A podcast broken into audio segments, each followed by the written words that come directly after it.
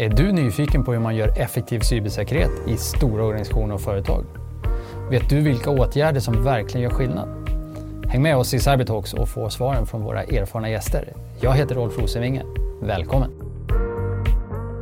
I dagens avsnitt av Cybertalks träffar Rolf Ulf Andersson, CISO på Telenor Sverige. I samtalet diskuterar de dels hur man gör säkerhet hos en stor teleoperatör, men också vad som krävs för att faktiskt leverera effekt som säkerhetsorganisation. Hej och välkomna till veckans avsnitt av Cybertalks. Ehm, idag har jag med mig Ulf Andersson från Telenor. Välkommen! Tackar! Ehm, det här är ju ett, faktiskt ett avsnitt som vi har försökt få till ett tag eh, och sen har covid och en del annat kanske kommit emellan. Jo men det stämmer ju. Vi har varit lite drabbade som alla andra. Och vi har fått skjuta fram det och planera in det. Men nu, är vi, nu kör vi. Nu kör vi. Det, det tycker jag ska bli spännande.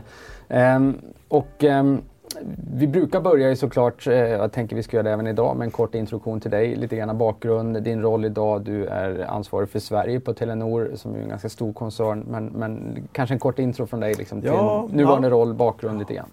Nej, men som du sa så jag jobbar på Telenor då, som CISO där för Sverige. Har väl inte en traditionell CISO-bakgrund, om det nu finns någon. Jag är inte från den tekniska bakgrunden utan mer från underrättelsevärlden. Det här underrättelsetänket som jag har lyft in, in i, i cybervärlden. Så det skiljer mig lite från andra, har lite annat ingångstänk eh, och fokus. Och sen har jag ett, ett team som har de tekniska kompetensen. Så, så, så jag kommer egentligen från, från Säkerhetspolisen och militär underrättelsetjänsten och började faktiskt som polis för jättelänge sedan på Sergels torg innan jag gick in på nationella insatsstyrkan. Just det. Um, och jag tycker att det är lite spännande och det var väl också en av anledningarna jag tyckte att det skulle vara kul att prata med dig här. Um, just det här att man, det finns, du, du sa det ungefär så att ja, men om det nu finns någon, någon liksom, norm för en CISO-bakgrund och det är väl just det, mitt påstående att det, det finns det inte riktigt än. Det håller på att formas kanske men, men någonstans har vi ju, liksom, rollen som sådant är fortfarande relativt ung och det möjliggör också för en del olika bakgrunder, vilket jag tror är väldigt bra. Vad tror du har varit den största fördelen med din bakgrund jämfört med att ha en mer en IT compliance eller eh, revisionsbakgrund eller en teknisk bakgrund? Vad, vad skiljer? Tror Men du? jag tror den stora skillnaden som jag tycker är ju att eh, den här proaktiviteten, tänket att man måste, måste ha någon form av ödmjuk inställning till de som man ska skydda sig mot. Att, att mycket inhämtning och förståelse för vad man ska skydda sig mot. Och vara ödmjuk inför det också så man inte... Oftast kan jag tycka att man, man, man tycker att de på andra sidan kan ingenting. Men de är ju faktiskt enormt duktiga. Så jag tror det är det tänket från underrättelsevärlden man jag har tagit mig in och fört vidare då till mitt team och på de olika ställen jag varit på. Att, att, att också få in det här att vi måste lägga tid för att förstå de andra. Om vi kan förstå dem, då vet vi också hur vi ska agera. Så jag tror det är det största, bid, eller det som har tagit mig, mig mest så att säga. Mm. Ehm, och nu är ju du då CISO på, på en av de största teleoperatörerna och ehm, jag antar då att också din bakgrund passar ganska väl in i, i den sortens eh, företag. Eh, men vilka är de stora frågorna om man är CISO på en teleoperatör? För har du både ansvar för den interna IT-säkerheten och säkerhet i, i, liksom, i tjänsterna man levererar? Hur, hur ser skärningen ut där? Nej, vi, vi är fokuserade på de tjänsterna vi levererar och, och, och, och eh, säkrar upp själva hela driften av den plattformen eller plattformarna. Eh, så det är, det är ju huvudansvaret. Eh, och, och säkerställa att det blir en säker eh, leverans ut till slutkund. Eh, men sen är det ju mycket annat. Att man måste ju se, alltså att vi har gjort en jätte, att den här transformationen att, att säkerhet har varit något hemligt, inlåst i någon dörr eh, och ingen vågar prata med någon. Det, det, det har också varit en drivande kraft att få ut hela här på spelplanen och bli en del av den naturliga rulliansen på företaget. Så det, det är väl också en stor bit som, man, som vi har jobbat med för att, förutom det här klassiska, säkra upp säkerheten. Men, men även här att, att få ut säkerhet och bli en accepterad spelare på banan. Och det där tycker jag är spännande och jag vet ju lite grann om vad ni har gjort men, men kan du berätta lite mer om så hur har ni gjort det? För jag tror att det är en, jag tror att det är en riktig nyckelfråga för CISOs också. Jag tror att det finns en önskan och förväntan många gånger från affären.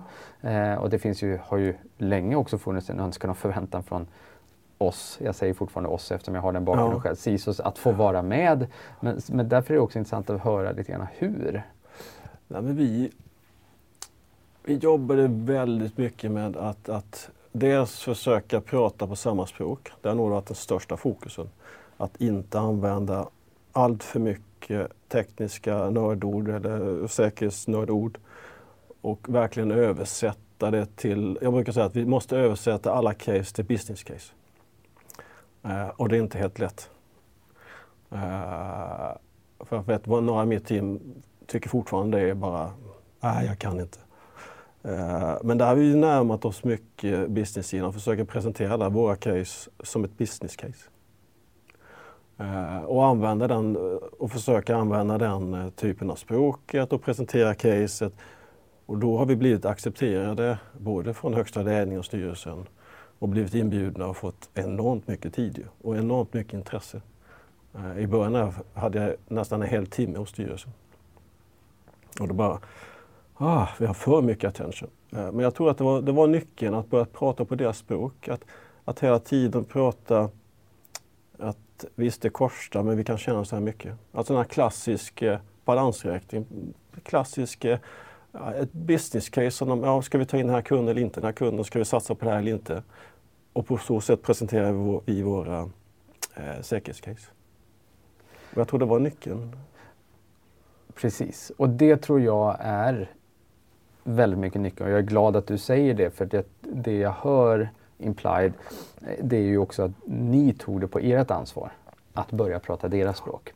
Och jag tror att det är precis det som är grejen och jag tror det är faktiskt också där det ibland fortfarande, eh, man fortfarande missar. Att man försöker berätta ännu mer om sitt eget och varför det är viktigt ja. snarare än att prata om affären som ja. viktig och försöka sätta det vi gör som säkerhetspractitioners i, i den kontexten. Ja, men jag tror det, det, är, det är lite spiken på huvudet att för jag upplever på andra ställen att man försöker hela tiden säga att ja, men det här, vi har jättestora risker, vi måste skyddas mot det här, vi måste ha mer resurser, vi måste ha mer pengar. Uh, men man pratar fortfarande på sitt eget språk. Man, man, man vill inte gå över på andra sidan för man tycker att, att de inte förstår. Uh, men tar man det klivet så kommer man få ett fantastiskt samarbete. Mm. Och helt plötsligt kommer man inte ha de där uh, som jag tycker, som jag, har, de fortfarande sådana problem. Man blir lite hemmablind ja, men har ni problem att prata med högsta ledningen eller med vdn eller styrelsen? Ja, men, ja, men det har ju inte vi. Men, vad, ja, men då börjar man tänka tillbaka, men vad har vi gjort så att vi har fått attention hos dem? Men det är nog att det här att vi har, vi har tagit första steget och gått lite längre och verkligen tvingat oss in att få dansa och vara med på scenen. Mm. Och nu är vi en som alla andra. Mm. Nej, det är häftigt. Eh, snyggt. Och jag tror att det är precis där. Eh, jag träffar ju ganska mycket CISOs. Jag mm. träffar faktiskt också väldigt mycket koncernledningar, stora bolag. Jag träffar också en hel del styrelse. Och jag upplever ju just att eh, Alltså jämfört med bara ett par år sedan så finns ju faktiskt också ett genuint intresse mm. hos de flesta. De är nyfikna. Där det har gått bra, min erfarenhet, är precis där man har egentligen lyckats med det som du beskriver. Där det fortfarande är är lite jobbigt. Så, och jag kan ju också ibland, när jag kommer in i vissa diskussioner, förnimmer man nästan en frustration från styrelse, koncernledningsnivån. Så att vi vill förstå, men det kommer hit någon och pratar grekiska. Ja, ja. Ehm, så jag tror att du, det, det, det är sen, väldigt mycket där sitter. Och sen att man inte får, och det måste man själv ta aktivt också ståndpunkt, ni får inte behandla säkerhet eller cybersecurity på något annat sätt mm. än att skulle ha behandlat allt annat. Är det en investeringsfråga. Ni ska behandla säkerhet exakt samma sak på samma sätt som ni gör med allt annat. Det här ska inte vara någon special hysch verksamhet för då kommer det aldrig fungera. Och det ligger också tätt ihop här att man måste prata deras språk men man måste också att säkerställa att de inte upplever att när man har exempel en, en cyberincident att den ska hanteras exakt samma sak som alla andra incidenter. Det är inte någon special. För så fort man att det dyker över och blir någon special, då kommer det haverera. Så det är också en eh, lärdom vi har gjort under resan. Bra, men eh, håller mig kvar lite grann här kring hur det är, eh, alltså teleoperatör. Eh, för jag tänker mig att någonstans så i dagens digitaliserade samhälle så är det oundvikligen en del av ett, eh, av ett lands kritiska nationella infrastruktur. Eh, väldigt mycket som kommer sluta fungera om inte våra, om inte våra telenät fungerar. Eh, men samtidigt så påstår jag, eh, fast det är ju egentligen en fråga, så finns väl också hela den här liksom vanliga inom cyberkriminella hotbilden också. Ni vill misstänka lika utsatta för, eh, för ransomware-risker eller bedrägerier och så vidare. Så, så hur, han, hur har ni approcherat att ni kanske har en bredare, tänker jag, ehm, hotbild än en del andra branscher?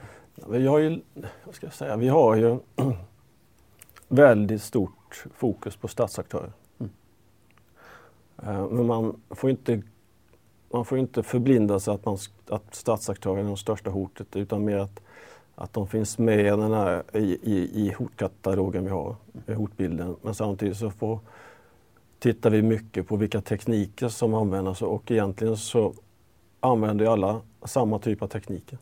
Och sen är ju sätter man olika identiteter på det här till statsaktörer eller vanliga kriminella men egentligen så är det ju en, en, en business på andra sidan där de använder, de köper tjänster av varandra så man måste ändå titta på vilka är de mest användbara teknikerna just nu för att göra någonting mot ett företag. Uh, men vi har ju fokus på statsaktörer och det är lite också att vi är en del av den kritiska infrastrukturen. Då blir det lätt sådana diskussioner också och framförallt i 5G-diskussionerna. 5G när de hårda kraven kom här nu för, det är lite mer än ett år sedan i, i med 5G-aktionerna som, som Sverige snäppte upp så troligen har de tuffaste reglerna i hela Europa just nu när det gäller 5G-utredningen. som gäller alla teleoperatörerna. Mm. Eh, som kommer gynna, tror jag, alla på ett eller annat sätt. Eh, för det sker ju eh, för det är stor fokus på, på, hur vi ska säkra upp att det ska, verkligen ska fungera när vi har en, eh, utsatta för någon form av hot eller naturkatastrof. Så, ehm, så det, är en bandbredd, eh, men mycket fokus är egentligen att, att följa med vad som händer där ute oavsett vem som gör vad. Så det gäller att följa med vilka tekniker som är poppis nu och försöka mitigera det så gott det går. Och då blir det ju en oundviklig följdfråga på något sätt också. Så vad, vad, är, vad, är, vad, är, vad är det som händer där ute nu? Kan man göra en, en, en överflygning där av, av trender eller ja. företeelser som, som, som ni går och funderar på? Nej, vi... Det är lite tråkigt men det är det gamla klassiska phishing-mailet som dyker upp. Uh, och sen ransomware-hotet. Men det vi har börjat eller gjort en längre tid, det är, som jag tror också är nyckeln, så vi har insett att vi, det är just att verkligen söka aktivt och aggressivt efter sårbarheter som man har på sin infrastruktur. Och det är väl där vi lägger störst kraft. Att verkligen försöka på alla tänkbara metoder att hitta sårbarheterna. Uh, för där har vi märkt också, där kan vi, uh, där täpper vi till stora hål som de här aktörerna kan använda. Men samtidigt så har vi ett jävligt bra business case. Att vi, när vi hittar dem där så har vi tjänat en jävla massa pengar. Så det blir lite en win-win situation. Men det är väl det största fokus som vi har, att, att hitta sårbarheter. Mm. Och det är det som också, jag tycker det är intressant att du, att du liksom lyfter fram den, för ibland det finns lite olika eh, beroende på vem man pratar med såklart, men ibland blir det väldigt mycket liksom fokus på sånt som uppfattas som sexigt eller fränt och så. Men fortfarande ska jag påstå så är ju väldigt mycket av vårt vårt jobb det är ju the groundwork på något sätt. Det är veta vad du har, se till att du har kontroll på sårbarheterna och, och, och så vidare. Um, och det, det, det, är hårt arbete. Uh, och, det, och här är ju, just på det området så är det ju lite intressant också för det, här är ju verkligen oddsen egentligen till uh, till liksom angriparens, i angriparens förvör. De behöver egentligen bara ett ja. hål och du sitter och ansvarar för en jättestor organisation som, som egentligen aldrig kan vara helt utan sårbarheter. Så att, uh, Nej, men det är väl det som är lite charmen också, tjusningen med själva jobbet. Det är ju, men också det viktigaste. Att, jag tror man lägger man stor kraft för att försöka att visualisera upp hur mycket sårbarhet och risker man har. Eh, och hoten man har. Eh, för jag tror att det sämsta man kan göra är att säga att man inte har några sårbarheter. Eh, vi ser inga hot, vi är supersäkra. Men det blir lite oseriöst överhuvudtaget att säga det. För oavsett vet man att man har sårbarheter. Oavsett om som individ eller företag eller alla har sårbarheter. Men jag tror det är viktigt att man måste vara ödmjuk och säga att vi har sårbarheter. Vi jobbar aktivt för att hitta våra sårbarheter innan aktören ska göra det. Och då uppfattar jag som, men då är man ju seriös ju. Mm. För alla har sårbarheter. Mm. Så fokus är på att hitta sårbarheter. Och det är lite osexigt ju. Eh, men det är där vi får störst effekt. Mm. Nej, jag håller med. Eh, det, är hårt arbete ehm, men det är, det är oerhört viktigt och framförallt att jobba med det kontinuerligt och hitta en, en, en kontinuerlig proce kvalitativ process där man faktiskt jobbar med, man har med bra prioriteringsmekanismer eh, och, och så hitta rätt rätt mätetal. Vi har en annan diskussion med, som vi sitter i nu där vi, där vi har ganska mycket fokus på en verksamhet som, har, som är ganska intresserad mm. av att mäta saker. Eh, och man kanske initialt har börjat med att titta på totala antal sårbarheter och så vidare. Så försöker man smalna, smalna av det där och säga att men det som kanske är ännu mer intressant är till exempel mean time to patch på, på kritiska mm. sårbarheter. Eller hur många procent av serverparken har faktiskt inga kritiska sårbarheter. Så man börjar liksom bli lite mer granulär. Och, och det som är intressant när man hittar några sådana där mätetal det är sen att följa dem över tid. Ja. Så det är egentligen trendanalysen ja. som blir den intressanta, egentligen inte just den här månadens siffra. Nej, för man kan lura sig att man ska bara sänka antalet sårbarheter. Ja. Men sänker man rätt sårbarheter, går man på rätt sårbarheter, exempel man sårbarhetsskanning, då brukar man ju få väldigt mycket sårbarheter. Men hur, hur prioriterar man den här listan? Var är där vi ska lägga prioriteten? Ska vi lägga all prioritet på critical eller medium? Mm. Så där kommer också in det här att man måste jobba jättemycket med, med, eh, med threat intel, alltså få underrättelse. Vad är just nu det man mest använder sig av? Eh, så det blir en jätte... Det, då kommer man tillbaka där vi startade. Det är lite där som jag lyft in det här underrättelsetänket med den starka tekniska kompetensen. Mm. Och det tror jag det blir en, en, en, det blir en skön mix.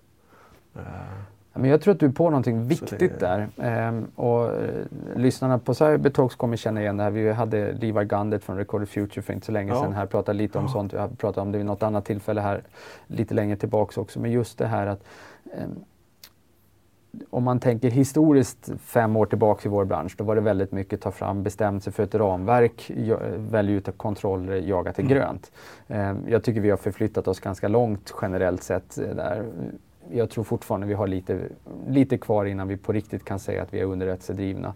Eh, men det är ju och ibland så försöker jag hjälpa till eh, med en del organisationer att liksom hitta, hitta, hitta sätt att prata om det här. Men så som jag ser det så ska man inte jobba med threat intel till exempel för att det är fränt. Eller, utan det är ju det är ett sätt att smalna av, att bli spetsigare i, i där vi lägger ja. den bandbredd vi har. Och det är det, det som för mig i alla fall, som är ja, den stora vinsten med att för jobba Sen måste man ju de som ska utföra jobbet sen det är ju vad man nu har för en beteckning, techlease eller systemägare eller den ordinarie IT-organisationen. De sitter ju inte och väntar på jobb. Utan man måste ju kunna servera dem med, att, med en, en väldigt hård prioriteringslista mm. för att underlätta deras vardag. Mm. För man kan ju inte komma med bara en, en, en rå rapport. Här, fixa. Utan eh, man måste ju också prioritera. Det är som, går man tillbaka till det här business -time. Man måste prioritera. Vad ger mest effekt av, av insatsen. Och det är tillbaka till, och därför måste man byta lite. I bästa världen så är det jätteenkelt. Åtgärda alla sårbarheterna, check. Mm. Eh, men det funkar inte i verksamheten. Eh, för då är man tillbaka där, man måste tänka businessaktigt att vad ska vi göra, satsa våra resurser på? Så vi verkligen kommer åt det mest, eh, mest kritiska och få ut mesta pengarna och tiden och, och, och din tid. Mm.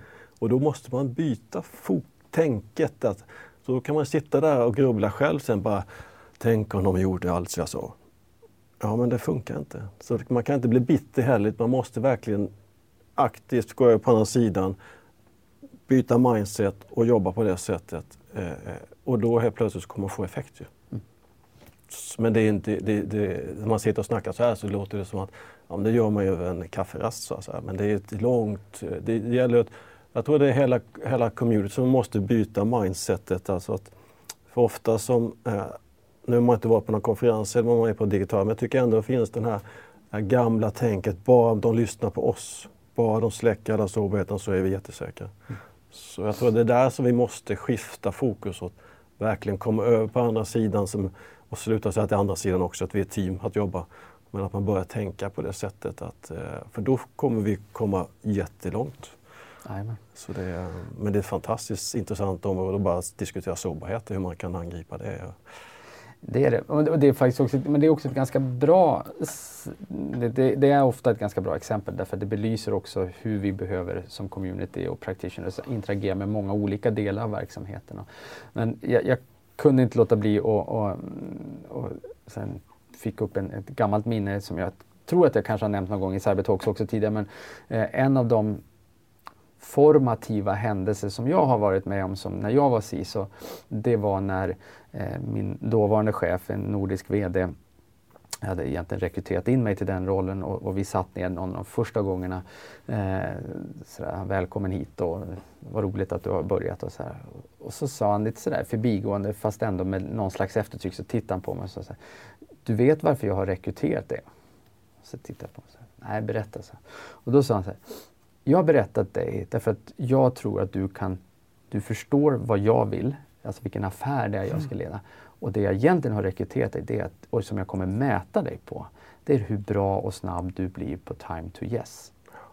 Inte på time to no. För hade jag behövt någon som bara skulle ha, vara snabb på time to no, då hade vi kunnat ha mycket mer juniorresurs eh, eh, och så liksom bara vara den här gatekeepern som säger nej. Men det är inte det jag behöver jag behöver utveckla den här banken som det var fråga om. Mm. Eh, och jag behöver någon som både liksom hjälper mig att play defense på något sätt och ja. se till att vi inte tar fel risker. Men i grund och botten är uppdraget time to yes. Och det tyckte jag var otroligt spännande och han utmanade mig och mitt team kontinuerligt på den. Eh, det lärde mig jättemycket. Ja, men det, det, ja, men det, det, det, men det är inte många som har den insynen heller för många ryggar ju när det är cybersecurity eller säkerhet rent generellt. Att man ryggar tillbaka, att det är mm. okänd mark. Mm. Eh, och där har man, vi alla väl ett, ett ansvar att, att lära kanske är starkt ord, men i alla fall ändra attityden då på uh, som jag tycker är viktigt att få med högsta ledningen, högsta ledningen eller styrelsen att, att de de måste själva inse att säkerhet är inget speciellt. De måste bara ställa exakt samma frågor som de ställer till alla. Mm. Och det är, det är hur enkelt som helst att applicera det över det till cybersecurity. Mm. Och då helt plötsligt kommer man att få en större effekt. Men där krävs ju på något sätt eh, ja, att vi pratar ännu mer om det och verkligen får med oss att det inte är farligt att ställa frågor. För att många säger att jag kan ingenting om säkerhet. Mm. Men du kan ju leda ett företag. Det är samma, det är bara ställ frågorna. Så det, men det är lite attityden tror jag, eller okunskapen eller att, att myten att, att säkerhet och cybersecurity har blivit så exklusivt och så farligt och så hemligt och, och då har det gått fel. Mm. Det har det. Um, men jag tycker det med ändå se, alltså min bild är ändå att vi är totalt sett på väg åt rätt håll. Jag ser fler bolag som tar organisationer som tar stora steg åt rätt håll. Jag ser att många har också faktiskt öppnat plånboken. Jag tycker vi var väldigt sena på bollen här jämfört med de anglosaxiska länderna. Um, jag tycker att jag ser ganska många ledningar och styrelser fattar väldigt bra och kloka beslut. Eh, generellt sett, får, får de det bara presenterat ja. på ett sätt som de känner igen så har de varit, de som vi har jobbat med de senaste ett och ett halvt, två åren, varit otroligt duktiga på att fatta beslut. Eh, sätta riskaptit, ja. öppna plånboken, tilldela resurser och så vidare. Eh, så jag tror att lite grann är det också upp till oss nu ja. att, att ta hand om det ansvaret och, och leverera, eh, leverera säkerhet. Och det tycker jag är spännande också att fundera kring. Så, så hur, hur ökar vi uteffekten? Eh, vad tror du, finns det några saker som vi också som community behöver gör, bli bättre på? Alltså för att leverera mer effekt? Nu när vi kanske har attention och kanske till och med får pengarna. Och... Ja men det är ju, det är ju intressant du säger. Det är ju faktiskt, nu är det upp till bevis lite för att uh, vi sitter ju i den position för att säga att vi, vi har ju inte några diskussioner om resurser och pengar. Utan det är tvärt, hur fasen ska vi kunna leverera? Mm. Uh, och det är inte helt lätt att svara på men jag tror det, det vi har pratat om nu inför detta året är mycket hur vi ska förenkla ännu mer för verksamheten. Att för alla sitter ju här att man har inte, alla har så mycket att göra. allt ska utvecklas framför telekom, tele, telekombranschen. Jag tror också att det går så jävla snabbt att, att 5G-tråden, den ska ut nu. Den är försenad. Alla operatörerna är försenade, den ska ut nu. Uh, och då tror jag man måste förenkla ännu mer och lägga ännu större kraft att, att, att allt man hittar, att man underlättar för organisationer, att det blir enklare att ta till sig. Uh, så när man vill ha någonting gjort eller och sen att det ska vara så enkelt för den som tar emot att göra det. Och sen lägga kraft på vad, vad har vi våra största svagheter. Så, och det är också så lite, det blir mer, lite mer analytiker-tänk, att, att man drar in data för att kunna se vad, gör, vad har vi de största bristerna. För det, normalt sett så, exempel, alla gör pentester. Alla kommer få de här rapporterna till de olika teamen. Hur många är det som drar in alla rapporterna och aggregerar upp det på hög nivå för att se vad är det, vad är det någonstans processfel? Och då, är det här säkerhetsansvar? Och då börjar man tänka, ja men det är ingen annan som gör det. Det är ingen annan som är intresserad av det här. Men om man gör det och drar upp det på hög nivå, ser grundorsakerna och följer tillbaka till enheten. De kommer tycka, ja men det här är skitbra. Vi behöver inte lägga kraft på att göra en massa fel saker. Så jag tror det är där man ska... Där finns också en stor momentum. Och, och, och går man in i den vägen, så kommer tillbaka till din föreställning, så tror jag man kan... Där kan man också, då, då märker man också att man levererar. Mm. Men det är, det är, lite på annat sätt, att man levererar säkert på ett annat sätt. Det är, det är nästan som man kan säga att det är internkontroll, inter, intern kvalitetskontroll. Man, men det är ju mycket kvalitet säkerhet handlar om. Mm. Så att leverera bra kvalitet. Och då måste man hitta grundorsaken. Exakt. Men jag tycker du är inne på några Så spännande det, saker. Jag gillar det här med mer analys. Jag tror generellt sett att vi har som community ganska mycket kvar att göra kring att bli bättre på att analysera det vi ser och dra slutsatser av det och sen omvandla det till action som, ja. som, som vi jobbar med systematiskt. Men just analysdelen, den, ja, den tror jag definitivt är... jag tror att alla företag idag har ju den här, har ju de här klassiska eller bottenplattan och systemstöd. Jag tror de flesta eller alla har någon form av eh, EDR-system, eh, Endpoint Detection Response-system på plats. Man har någon Security Operations Center. Man har allt den här basplattan. Eh, men det där räcker ju inte till. Man måste ha det. Men sen måste man bygga på det för att få utveckling av allt man investerat. Det är så lätt att köpa system och sen bara, ja men det är klart. Det är väldigt sant. Eh, en liknelse som jag har gjort ibland apropå liksom vad vi behöver bli för att faktiskt leverera effekt. Jag har ibland gjort en liknelse med att eh, om vi historiskt sett kanske var, om man tänker sig ett tågsätt, så var vi bromsaren på, i sista mm. vagnen. Det var så vi blev uppfattade i alla fall, lite elakt oh, av en del. Men vårt jobb har egentligen skiftat karaktär och vi ska nu vara rälsläggare istället och faktiskt se till att tåget kommer fram till ja, rätt station. Ja, det... Ehm, och med det, om man ska säga, ta det från liksom floskelnivå ner till någonting konkret. Så, till exempel så ser jag de organisationer som har lyckats röra sig tidigt med att verkligen jobba med till exempel med säker utveckling. Ja. Ehm, det tror jag, det är ett sånt sak som faktiskt ja. konkret gör skillnad och som förflyttar var vi befinner oss. Och just också kan Istället för att vara de här tråkiga som kommer in på slutet och säger att mm, det där vart ju inte helt ja. rätt. Och, eh, så ser vi till att det ska vara lätt att göra rätt från början när vi ja. utvecklar nya produkter eller vad nu vår organisation jobbar med.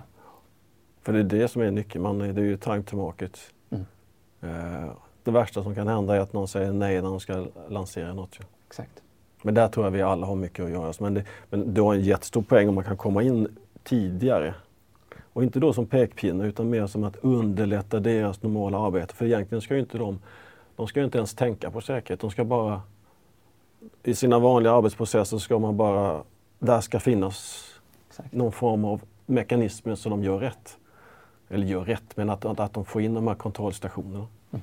Eh, men det är också så att man, det är lätt att komma in och sätta in på ett DevOps-team att, att ett x antal kontrollpunkter.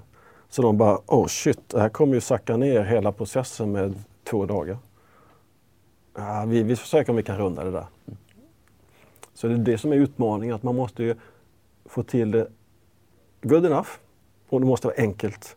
Yes. Och sen att man får in det i teamen, att de känner att det här är inget merarbete. Det, det kommer egentligen, det är lite, det blir lite kul där. Mm. men det, det är lätt att sitta och snacka men det är, jag tror är där man kan få en, också en stor effekt att komma in på det sättet. Att, eh, att, att hela, allt ska vara så... Man måste tänka att det måste vara enkelt för mottagaren. Den gamla sanningen, ja. den bästa säkerheten, Ja. det är ju den som används Ja. och implementerad. Ja, det finns ju massa roliga serieteckningar om det här så att eh, det enklaste är ju bara vi skrotar den här datorn och går tillbaka till papper. Då har vi i alla fall löst eh, cybersecurity.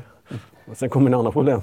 Sen kommer några andra Ja, problem. så det, Du, tiden går fort Ja. också. Ehm, jag tänker ju också när man har dig här så känner jag att jag måste ju också passa på i övrigt också fråga lite grann kring dina tankar kring vart vi är på väg, trender. Eh, både, det kan både vara på hot och risksidan men det kan ju faktiskt också vara på möjlighetssidan. Eh, har du några, några spaningar? Det händer ganska mycket totalt sett i omvärlden just nu. Vi sitter mitt i en eh, Ryssland-Ukraina-kris och, och så vidare. Vad, vad tror du blir viktigt för en CISO 2022? ja, jag kunde... Jag, vet, jag har tänkt på den här frågeställningen faktiskt, för jag fick ju den innan. Och då tänkte jag, ska jag dra det där trygga kortet, lite mer sexiga kortet och, och måla upp någon, det här tror jag kommer att hända. Men, men sen på vägen in här så tänkte jag, nej. Jag får nog dra mitt tråkkort och det som egentligen som var så tydligt under logg 4 Kjell händelsen innan jul. Att man att man måste ha ett ordentligt eh, inventory-register, alltså ett register över sina tillgångar. Så jävla tråkig är jag. Men jag kan säga att, att, att det var nog det som räddade oss. Och jag kan säga att vi har inte ett, ett register som är 110 procent, men det var i alla fall 90 procent. Och det var, det var det som räddade oss under logg 4-händelsen.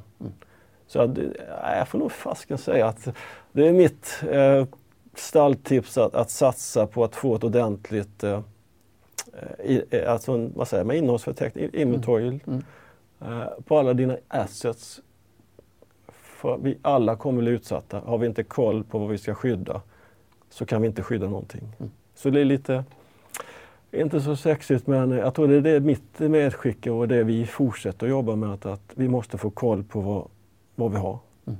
Och då kan vi skydda våra, våra tillgångar. Yes. Nej, men det är ju på sätt och vis en gammal sanning. Ja. Men ack så svårt i en stor komplex Ja. organisation. Ehm, och det, det är lite intressant att du lyfter fram den för det är definitivt någonting som, som, eh, som vi springer på också. Eh, och det är precis som du är inne på, det låter enkelt, är i praktiken faktiskt ganska svårt. Ja.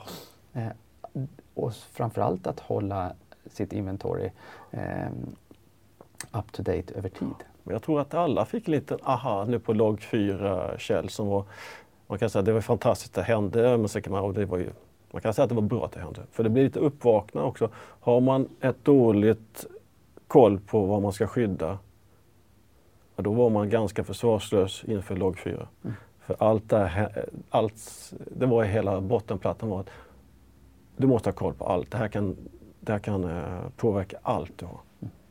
Och har man då inte en aning vad man ska skydda så, så sitter man ju där fortfarande idag med brallan neddragna. Mm.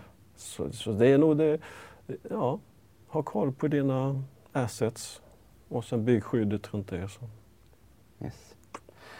Super. Ehm, tiden går fort, det är dags att runda av men eh, Ulf Andersson från Telenor, jättekul att ha dig här äntligen. Ja, tack själv för att jag fick komma som man säger. Det var jätteroligt och eh, till alla lyssnare, until next time. Podden är ett samarbete mellan Orange Cyber Defense och Paliscope och spelas in och klipps på Om Media.